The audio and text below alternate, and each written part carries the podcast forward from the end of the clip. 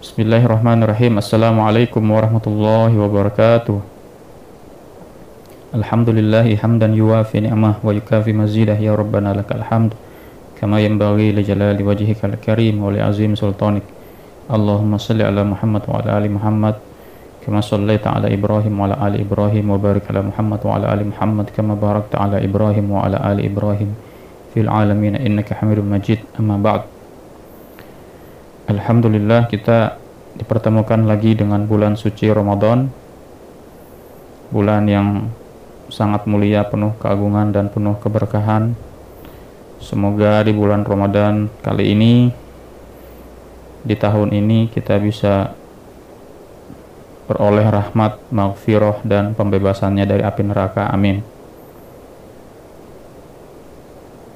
Kita bersyukur bahwa kita masih diberikan usia yang panjang, kesehatan, dan yang lebih penting adalah keimanan untuk memenuhi seruan Allah.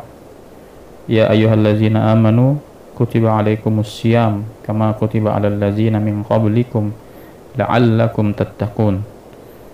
Allah menyuruh kita, wahai orang-orang yang beriman, telah diwajibkan atas kamu untuk berpuasa sebagaimana telah diwajibkannya atas orang-orang sebelum kamu. Semoga kamu menjadi orang yang bertakwa. Jadi Ramadan hadir adalah sebagai momentum pembersihan diri, momentum upgrading diri, dan tentunya sebuah momentum untuk sejenak beristirahat, menepi dari kesibukan-kesibukan duniawi, lebih mendekatkan diri kepada Allah Subhanahu wa taala, memperbanyak ibadah, memperbanyak amal soleh, memperbanyak membaca Al-Quran. Karena Ramadan adalah bulannya Al-Quran. Syahru Ramadan allazi unzila fihi Al-Quran. Hudal linnas wa bayyinatin minal huda wal furqan. Sesungguhnya bulan Ramadan itu adalah bulan waktu diturunkannya Al-Quran yang mana Al-Quran ini merupakan petunjuk hudan bagi umat manusia dan juga mengandung bayinat penjelasan-penjelasan dari petunjuk tersebut. Dan juga Al-Quran ini adalah Al-Furqan jadi pada dasarnya bulan suci Ramadan adalah festival merayakan Al-Quran. Karena bulan Ramadan diturunkan di bulan Al-Quran. Kalau kita lihat uh, sejarah Nabi Muhammad Wasallam, beliau pada menjelang awal-awal menerima wahyu pertama, beliau sudah senang melakukan uzlah.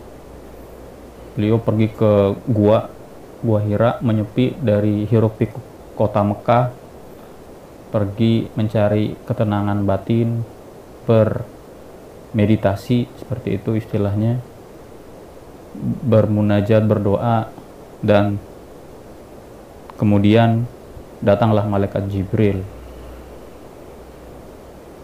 Dalam kisah uh, sirah nabawiyah itu diceritakan sebenarnya sebelum Nabi didatangi oleh Jibril malaikat Jibril itu sudah mendatangi Nabi di dalam mimpi Nabi. Sehingga Nabi sudah melihat ada sosok sosok lelaki yang selalu melihat Nabi tapi Nabi juga tidak tahu ini siapa nah ketika di gua Hiro itu malaikat Jibril mengambil sosok seorang lelaki katanya. Jadi bayangkan di kitab Siro itu diceritakan dari uh, perjalanan naik ke atas Gua Hiro itu dua jam. Sementara Gua Hiro itu terpencil. Tiba-tiba Nabi yang seorang diri udah uh, beruzlah itu menyepi itu. Tiba-tiba ada laki-laki hadir satu tempat dan ngeliatin. Jadi Nabi agak kaget. Tapi kemudian malaikat Jibril mendekati Nabi dan merangkul Nabi. Malaikat Jibril berkata, "Ikro." Baca. Kata Nabi, "Ma'an Nabi Qori." Saya nggak bisa baca. Nah, yang dimaksud oleh Nabi adalah saya ini buta huruf. Makanya Nabi itu Nabi Muhammad SAW itu adalah Nabi yang ummi, tidak terpelajar dalam hal tidak bisa baca tulis. Tetapi sejak turunnya wahyu pertama itu Al-Quran surah Al-Alaq itu Iqra bismi rabbikal ladzi khalaq di situlah awal mulanya Allah Subhanahu wa taala melalui perantaraan malaikatnya, malaikat Jibril alaihi salam mulai mengajarkan kepada nabi, mulai membuka ilmu pengetahuan, memberikan pengajaran, memberikan ilmu dari sisinya, dari sisi Allah Subhanahu wa taala yang Maha Alim, Maha mengetahui. Dan nabi diseru untuk membaca.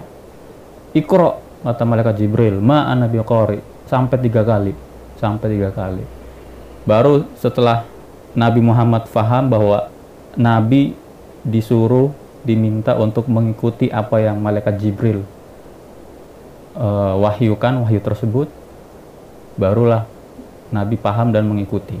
Jadi diturunkanlah ayat Iqra bismi rabbikal lazi khalaq. Ada sebuah uh, tafsiran ataupun takwilan dari uh, ayat itu yang mana cukup menarik ya karena uh, ada yang berteori menafsirkan bahwasanya ketika malaikat Jibril berkata ikro itu sebenarnya malaikat Jibril sudah membawakan Al-Qur'an utuh dalam bentuk Alkitab. Makanya salah satu penjelasan yang pernah disampaikan uh, Ustadz Nu'man Ali Khan itu di awal surah Al-Baqarah alif lam mim zalikal kitabu.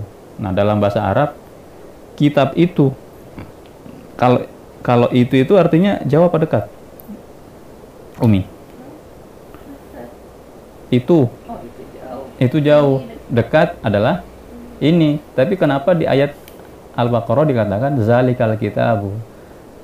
Kitab itu la roiba fihi, tidak ada keraguan. Bukan harusnya kalau dekat ya, adalah hazal kitabu. Nah, itu bahasa Arab. Jadi hazal kitab au zalika atau zalika itu. Nah, jadi salah satu uh, teori yang sangat menarik dan uh, uh, sangat uh, beralasan dasarnya adalah bahwasanya memang uh, penjelasan dari ulama Al-Qur'an itu di sisi Allah itu sudah tersimpan sebelum diturunkan itu sudah sudah utuh.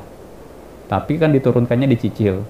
Nah, jadi ketika kembali ke kejadian Gua Hiro itu, malaikat Jibril sudah membawakan kepada Nabi itu satu kitab penuh yang diminta kepada Nabi untuk dibaca. Nah, sudah ada tulisan-tulisannya, tetapi Nabi berkata, ketika disodorin, saya nggak bisa baca. Ibaratnya ada orang buta huruf dikasih buku, kasih buku tebal, baca.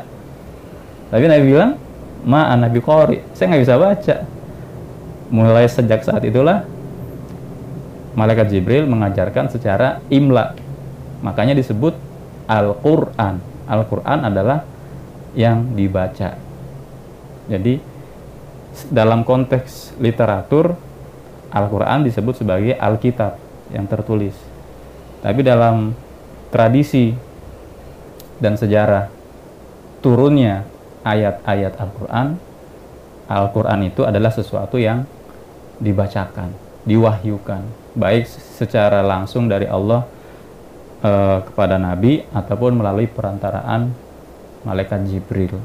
Nah, jadi ini buat saya adalah sebuah e, anugerah bagi kita untuk menapaktilasi dan mentadaburi ayat-ayat Al-Quran sebab-sebab turunnya, hikmah-hikmahnya, dan banyak-banyak lagi rahasia serta ilmu yang semoga kita bisa mengambil faidah uh, dari Al-Quran yang sangat ajaib, yang sangat agung, yang sangat suci dan kembali Allah mengatakan Al-Quran itu adalah petunjuk untuk menyelamatkan kehidupan manusia.